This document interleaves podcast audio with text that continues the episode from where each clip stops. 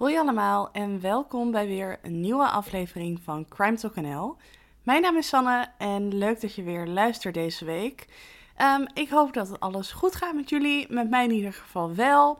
Zoals ik in de vorige aflevering aan het einde vertelde, ik was er een weekje tussenuit. Uh, zoals je hoort ben ik er dus weer. Uh, en ik ben weer helemaal opgeladen en um, ja, fit. um, ja, verder heb ik geen algemene mededelingen, dus stel ik voor dat ik begin met de zaak van deze week. En ja, de zaak van deze week, dat is wel een uh, verhaal apart. Want vandaag ga ik met jullie hebben over de zaak van Adrie Knops.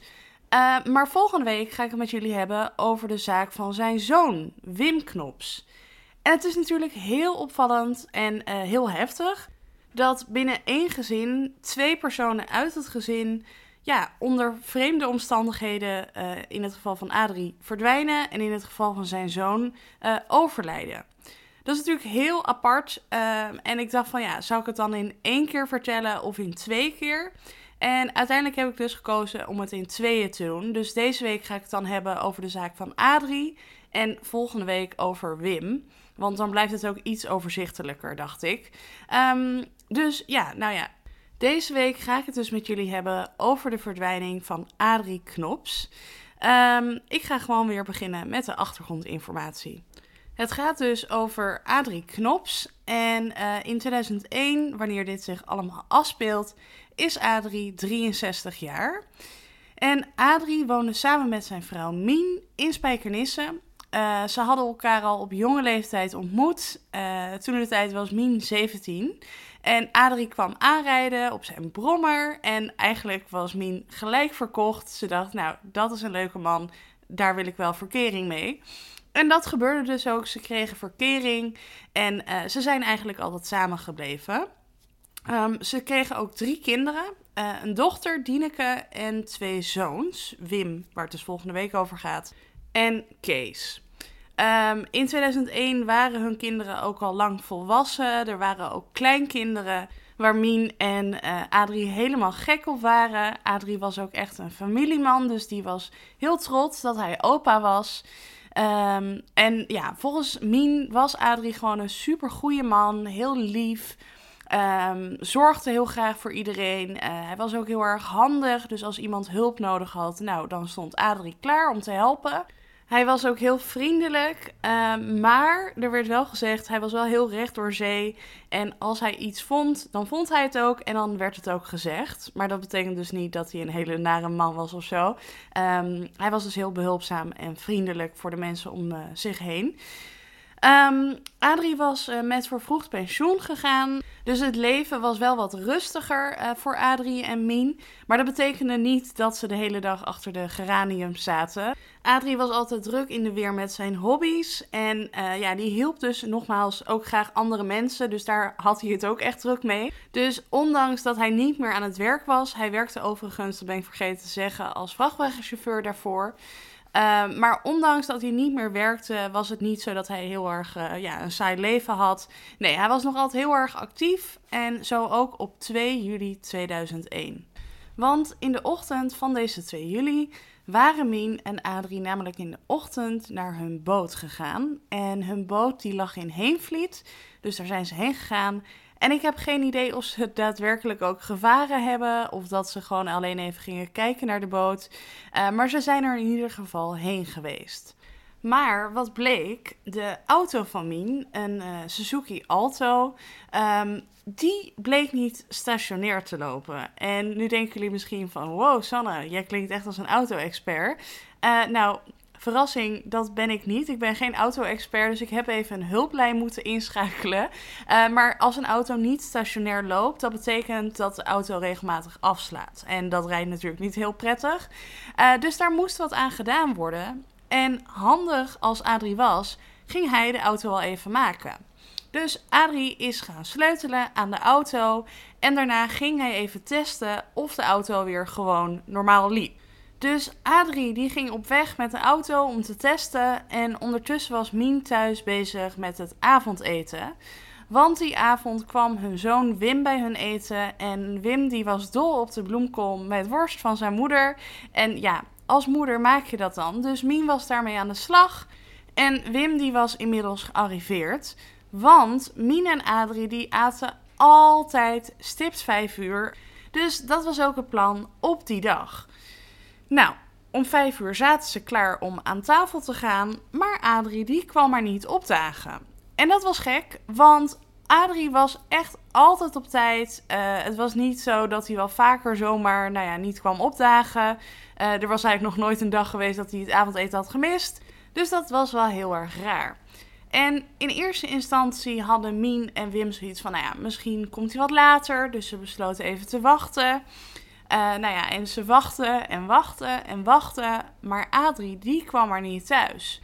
En uiteindelijk zijn ze toen na 24 uur naar de politie gegaan om aangifte te doen van de vermissing van Adrie.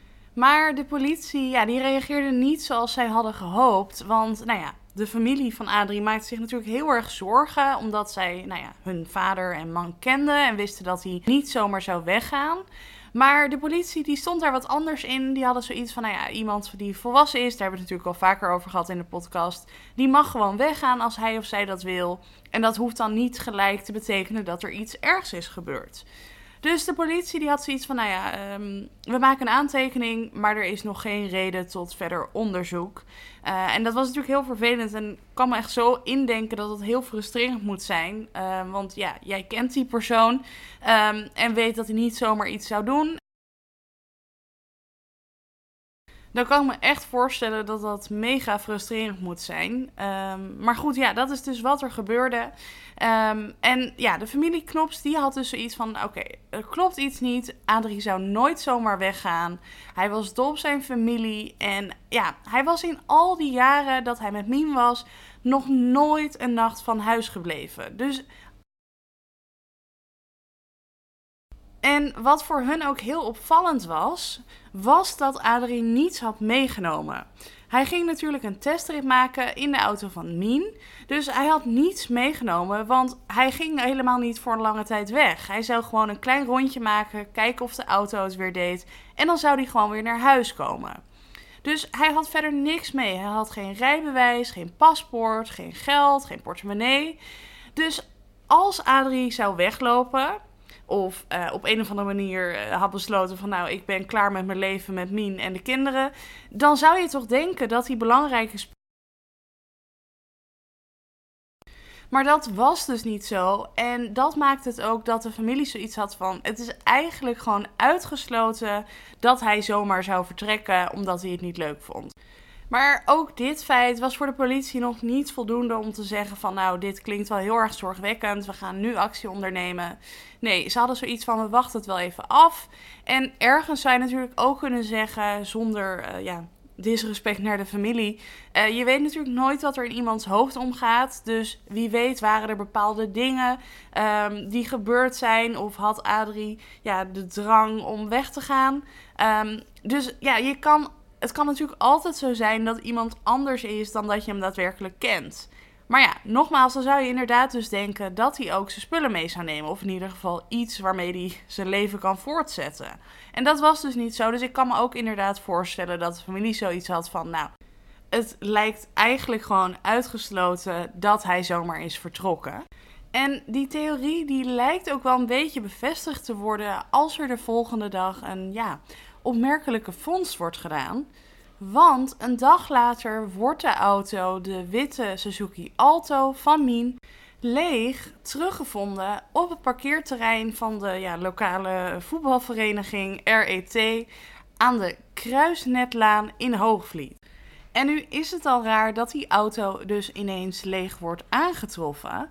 Maar wat ook heel raar is, uh, de familie kon namelijk niet geloven dat hij daar zelf heen gereden is. Want om daarheen te gaan moest hij over de Spijkernissebrug. En juist die brug vermeed Adrie altijd, omdat het bleek dat die brug altijd open stond. Dus Adrie zou daar nooit zo snel zelf heen gaan rijden. Dus de vraag is dan of waarom is Adrie daarheen gereden?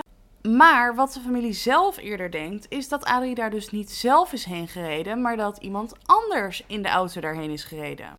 En om meer te weten te komen over de verdwijning, is toen de familie een flyeractie begonnen. Met de focus op of iemand Adrie nog had gezien op de maandagmiddag dat hij vertrok met de auto. En naar aanleiding van die flyeractie kwamen er ook best wel wat tips. Zo was er sowieso een getuige die had gebeld dat hij een uh, Suzuki had zien staan met de motorkap open bij het voedingskanaal. En daarbij zag hij bij de auto twee mannen die ja, licht getint waren. En deze getuigen ja, die vermoeden dat het ging om de auto van Mien en Adrie. Maar ja, goed, uh, dan heb je één iemand die denkt de auto te hebben gezien. Maar er was nog iemand die hetzelfde omschreef. Uh, er was namelijk een vrouw, uh, los van die andere tip, die vertelde dat ze dus een Suzuki had zien staan met twee lichtgetinte mannen. Dus dat is dan natuurlijk een extra bevestiging dat het best wel goed zou kunnen dat dat daadwerkelijk de auto van Adrie en Mien was. Maar er is nog meer, want Adrie die had dus blijkbaar een jeugdvriend. Uh, ik weet niet of ze elkaar nog steeds heel vaak spraken, maar in ieder geval waren ze dus vroeger goed bevriend geweest. En hij gaf aan dat hij dacht dat hij Adrie zag rijden. Althans, hij zag de auto van Adrie en Mien. En hij ging er dus vanuit dat zij dus ook daadwerkelijk in de auto zouden zitten. Dus hij ging zwaaien, omdat hij dacht dat Adrie of Mien in de auto zou zitten. Maar toen hij keek, zag hij dat er een lichtgetinte man in de auto zat. En deze man gaf hij aan, had een bol gezicht. En op het moment dat hij aan het zwaaien was, dook deze man met het bolle gezicht weg. Dus dat is ook een heel vreemd verhaal. En dat zou dan wel een beetje lijken op dat er dus misschien iemand anders in de auto heeft gezeten. En dat hij vervolgens de auto naar een andere plek heeft gereden. Wat er verder ook nog naar aanleiding van de flyeractie aan informatie boven kwam, was dat er een man uh, een bril had zien liggen bij het voedingskanaal. En dat was precies het montuur dat Adrie droeg. En uh, ja, het is mij niet bekend en ik kon er ook niks over verder terugvinden. Of hij de bril ook had meegenomen, of het alleen had gezien en later bedacht van... Goh, dat lijkt wel heel erg op de bril van Adrie. Maar die bril is daar dus wel gezien. Nou ja, best wel veel tips dus. En eigenlijk hebben alle tips wel wat te maken met dat voedingskanaal. Waardoor je zou denken dat daar misschien wel iets gebeurd is. De familie heeft toen alle informatie gebundeld en overgedragen aan de politie. Maar helaas hebben die er eigenlijk niks mee gedaan. Terwijl je zou denken dat ze daar in ieder geval wel zouden kunnen kijken. Dat is dan nou ja, de kleinste moeite die je kan doen. Uh, maar dat is dus niet gebeurd. Daarnaast zou je denken, er komen best wel wat tips binnen over de auto. Uh, de auto is vrijwel zeker gezien. En daarbij is die auto natuurlijk ook gewoon leeg gevonden zonder Adrie, terwijl hij met die auto op stap ging. Dus dan zou je dus ook denken dat de auto misschien onderzocht wordt op sporen. Want het is het laatste waar Adrie in contact mee is geweest. Er zijn rare tips binnengekomen over andere mensen en die auto. Dus ja, dan zou je eigenlijk wel een beetje verwachten dat de politie onderzoek doet naar de auto. Maar wat bleek? De auto is nooit op sporen onderzocht. En volgens de familie is de verklaring van de politie dat ze de auto nooit op sporen hebben onderzocht, omdat het te heet zou zijn geweest die dagen en dat daardoor vingerafdrukken en sporen zouden smelten.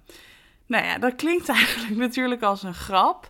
Uh, want nou ja, je zou ook denken, dat denk ik, dat denk jij, dat denkt iedereen. Dat kan niet. Want dan zouden ook in uh, andere landen, in Afrika, in Spanje, waar het dan ook heet is, daar zouden ze dan nooit sporenonderzoek kunnen doen. Nou, natuurlijk een heel vreemd verhaal. Uh, dat bleek ook achteraf. Want achteraf bleek dit dus niet te kloppen. Uh, het bleek eigenlijk een soort van leugen te zijn. Want sporen kunnen niet smelten, vingerafdrukken kunnen niet smelten. En er is dus gewoon geen onderzoek gedaan. Ja, echt een gemiste kans natuurlijk. Want als er sporen waren, zijn die nooit onderzocht en zijn die dus ook nooit gevonden. Ja, heel vreemd in, in het geval dat iemand dus vermist is en je gaat dan de auto niet onderzoeken. Nou, nogmaals, echt een gemiste kans. Maar dat is niet het enige wat een gemiste kans was. Want er gebeurde nog iets heel erg vreemds. Uh, ik vind het sowieso vrij heftig dat dit is gebeurd. Maar Mien kreeg na de verdwijning van Adrie een brief, een ansichtkaart in de brievenbus. En dit was dus een kaart met twee pinguïns erop En op die kaart stond een tekst met daarop dat hij is dichterbij dan je denkt. En er stond ook bij dat er een vriend was die er meer vanaf wist. Nou ja, en dat is natuurlijk vrij uh, vreemd en vaag dat zij ineens die kaart kreeg. Um, en nou ja, de zoon Wim, die dacht, ja, dit, dit moeten we naar de politie brengen. En dat is dus ook wat hij heeft gedaan. Want er konden natuurlijk ook sporen op zitten van een eventuele schrijver. Dus uh, Wim heeft die kaart naar de politie gebracht voor onderzoek. De politie heeft toen de kaart ingenomen en zou deze opsturen voor DNA-onderzoek. Maar wat denk je? Ze zijn op het politiebureau de kaart kwijtgeraakt. Dus wederom een gemiste kans. Althans, ja, de kans was er natuurlijk al niet meer. Maar ja, hoe kan je dat kwijtraken in een zaak waarbij er eigenlijk zoveel dingen niet worden gedaan?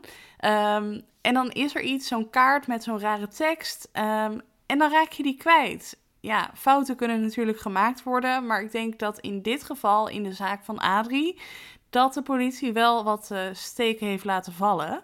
Want als de auto was onderzocht en als die kaart gewoon netjes bewaard was gebleven en was opgestuurd voor DNA-onderzoek, wie weet wat voor antwoorden de politie had kunnen vinden. Of misschien wel iets wat zou leiden tot het vinden van Adrie. Ja, heel slordig en ja, niet goed aangepakt dus. En omdat de politie het eigenlijk dus liet afweten en ja, niet heel erg uh, daadkrachtig was, um, heeft de familie zelf heel veel dingen ondernomen. Um, zo zijn er duikers ingeschakeld. Um, en deze hebben gezocht bij de Oude Maas. Dit stuk dat was dicht bij de vindplaats van de auto, de Suzuki. Dus het is sowieso een logische plek om in het water te zoeken. Maar daarnaast had de zoon van Adrie, Wim, um, gedroomd dat zijn vader in een buis onder het water in de Oude Maas was gedumpt. Dus vandaar hadden ze ook zoiets van: goh, ja, laten we daar maar gaan zoeken. Dus dat is ook gebeurd. Er zijn dus duikers in de Oude Maas gegaan op zoek naar Adrie. Maar tevergeefs, want Adrie werd daar niet aangetroffen. Er zijn ook nog paragnosten ingeschakeld om naar de zaak te kijken. Of, nou ja, ik weet niet of dat kijken heet, maar om te kijken of ze een bepaald gevoel kregen bij de zaak en misschien konden ja, zorgen voor een ja, kleine doorbraak of een nieuwe aanwijzing. Um, en er waren wel paragnosten die iets voelden bij de verdwijning, maar dat was niet genoeg om te zeggen van nou, hier moeten we gaan zoeken of dit is er gebeurd. Dus dit leverde in feite niets concreets op. Er zijn ook nog uh, zoektochten gedaan met speurhonden. En dan voornamelijk bij het gebied van de Oude Maas. Want daar waren gebieden met ja, hoge uh, begroeiingen. Uh, plekken waar je eigenlijk niet als mens heel erg makkelijk kan zoeken. Dus vandaar dat er toen honden zijn ingeschakeld. Maar ook hier weer geen resultaat. En er was geen spoor of een geur van Adrie te bekennen. Dus ja, er werd eigenlijk best wel veel gedaan door de familie. Maar het leverde allemaal niets op, wat het nog raarder maakt natuurlijk. Je zou toch denken dat er wel iets moet zijn wat leidt tot een aanwijzing of tot een, in ieder geval een doorbraak. Maar dit was dus niet het geval. En dat maakt het natuurlijk ook allemaal vreemder. Het is net alsof hij in rook is opgegaan. Uh, het enige wat er is achtergebleven is de auto. En ja, dan komt er natuurlijk de vraag van wat is er dan gebeurd of wat kan er gebeurd zijn? Er waren meerdere mensen die zeiden van goh, zou het niet kunnen dat hij misschien zelfmoord heeft gepleegd? Maar volgens de familie was dit echt niets voor Adrie. Um, enerzijds kan je natuurlijk denken van hè, iemand kan zich heel erg anders voelen dan dat hij uh, ja, zich voordoet komen. Maar volgens de familie was het dus echt niet zo dat Adrie zelfmoord zou kunnen plegen. Uh, Adrie zei ook vaak van, uh, dat hij het niet begreep als mensen zelfmoord pleegden. En dat hij daarvoor veel te veel van zijn familie hield. Dus ja, dat klopt dan natuurlijk ook helemaal niet echt. En daarbij zou je dan denken van, god, dan zou je natuurlijk ook vaak wel een lichaam vinden. Dus ja, dit was een scenario waarover gesproken werd. Maar volgens de familie was dit echt ontzettend onwaarschijnlijk en zij konden zich niet voorstellen dat Adrie zelf een einde aan zijn leven had gemaakt. En in de tijd na de verdwijning van Adrie kwamen er een hele hoop ja, verhalen. Um, zo werd er gesproken over een Surinaamse vrouw waarmee Adrie er wellicht vandoor zou zijn gegaan. Um, er waren ook verhalen dat hij regelmatig in een homobos zou komen. Ehm, hij zou in de drugshandel zitten en hij zou doen aan illegaal palingvissen. Nou ja, de familie kan zich dit ook allemaal niet voorstellen. Um, over drugs had hij een hele sterke mening. Dat was niet goed. Um, hij was heel gelukkig met Mien al heel erg lang. Dus een Surinaamse vrouw, ja, dat leek ook onwaarschijnlijk. Um, nou, dat palingvissen had hij wel gedaan, maar dat deed hij ook al jaren niet meer. Dus ja, alle simpele scenario's lijken eigenlijk allemaal niet aan de orde te zijn. En er waren dus ook geen gekke dingen die speelden waardoor hij moest verdwijnen of misschien wel dood moest. De dochter van Adrie Dieneke, die heeft wel haar eigen theorie. Zij denkt namelijk dat Patrick S. achter de verdwijning van Adrie zit. En uh, deze Patrick S. die is in 2014 veroordeeld tot 25 jaar cel met TBS voor de moord op Farida Zargar en Nanda Kerklaan. En beide vrouwen die zijn vermoord in Spijkenisse. Dus nou ja, dat is natuurlijk al een beetje verdacht, aangezien Adrie ook uit Spijkenisse kwam. Maar wat vooral deze theorie ondersteunt, is dat Patrick S. in de gevangenis zou hebben gezegd dat hij achter de dood van Adrie zit en dat hij hem heeft begraven in een houten kist in het Malle Bos. En dat is ook de plek waar het lichaam van Farida lag. Dus best wel een uh, red flag. Maar de advocaat van Patrick S. Uh, geeft aan dat Patrick ontkent dat hij betrokken is bij de verdwijning of de dood van Adrie. En dat er ook geen aanwijzingen zijn voor ja, de familie om dat tegen te spreken. Dus er is geen bewijs waarmee ja, bewezen kan worden dat hij er echt wat mee te maken heeft, behalve dan dat hij in de gevangenis zou hebben gezegd dat hij er wel wat mee te maken heeft. De familie hoopt nog altijd dat er iets gaat veranderen. Of dat Patrick, als hij het inderdaad heeft gedaan, dat hij toch besluit op een dag om te gaan praten. Maar ja, het zal dus echt vanuit Patrick zelf moeten komen. Want op dit moment zijn er geen ja, bewijzen tegen hem. Vooralsnog is Adrie dus nog altijd vermist. Uh, niemand weet waar hij is. En sinds 2001 is er dus niets meer van hem vernomen. En daarom wordt er ook wel vanuit gegaan dat Adrie niet langer meer in leven is. Uh, door de familie, uh, door de politie. maar dat betekent dus wel dat er een hele hoop vragen zijn die onbeantwoord blijven. En het is natuurlijk een hele tijd geleden, maar de wonderen zijn de wereld nog niet uit. Misschien is er iemand die toch op een gegeven moment begint te praten. Of dat Adrie misschien toch nog gevonden wordt. Uh, ja, ik hoop het in ieder geval, want het is zo naar dat iemand zomaar verdwijnt.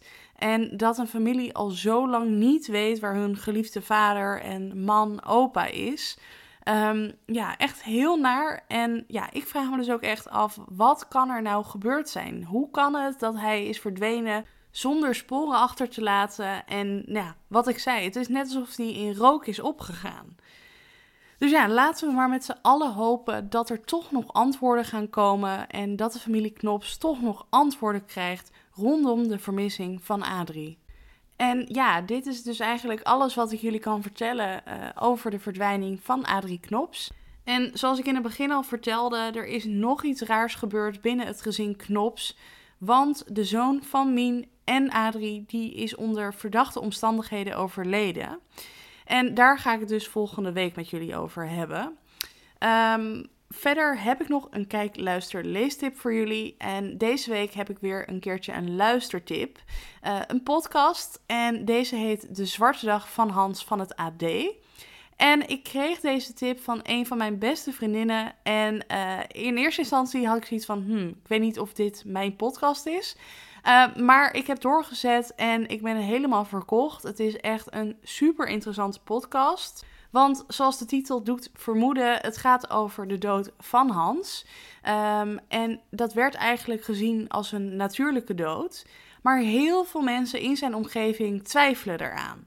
En er zijn ook heel veel verdachte omstandigheden. En daar doet het AD onderzoek naar. Ze spreken met allerlei uh, betrokkenen. Um, het is echt een hele interessante podcast. Het zit goed in elkaar. En ja, ik vind het dus zelf altijd heel erg interessant als je echt voor je gevoel meegenomen wordt in dat onderzoek. En ja, mensen hoort praten die ja, hem kenden, het mee hebben gemaakt. En dat maakt het voor mij heel erg fijn om naar te luisteren.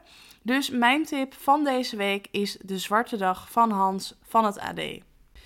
En ja, dan zijn we nu aangekomen bij het einde van deze aflevering. Uh, volgende week ben ik er dus weer met het verhaal van Wim. Um, het beeldmateriaal van deze zaak zet ik natuurlijk op Instagram, crimetalknl.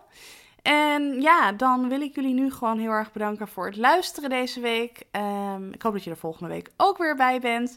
En voor nu wens ik je een hele fijne week toe en tot horens.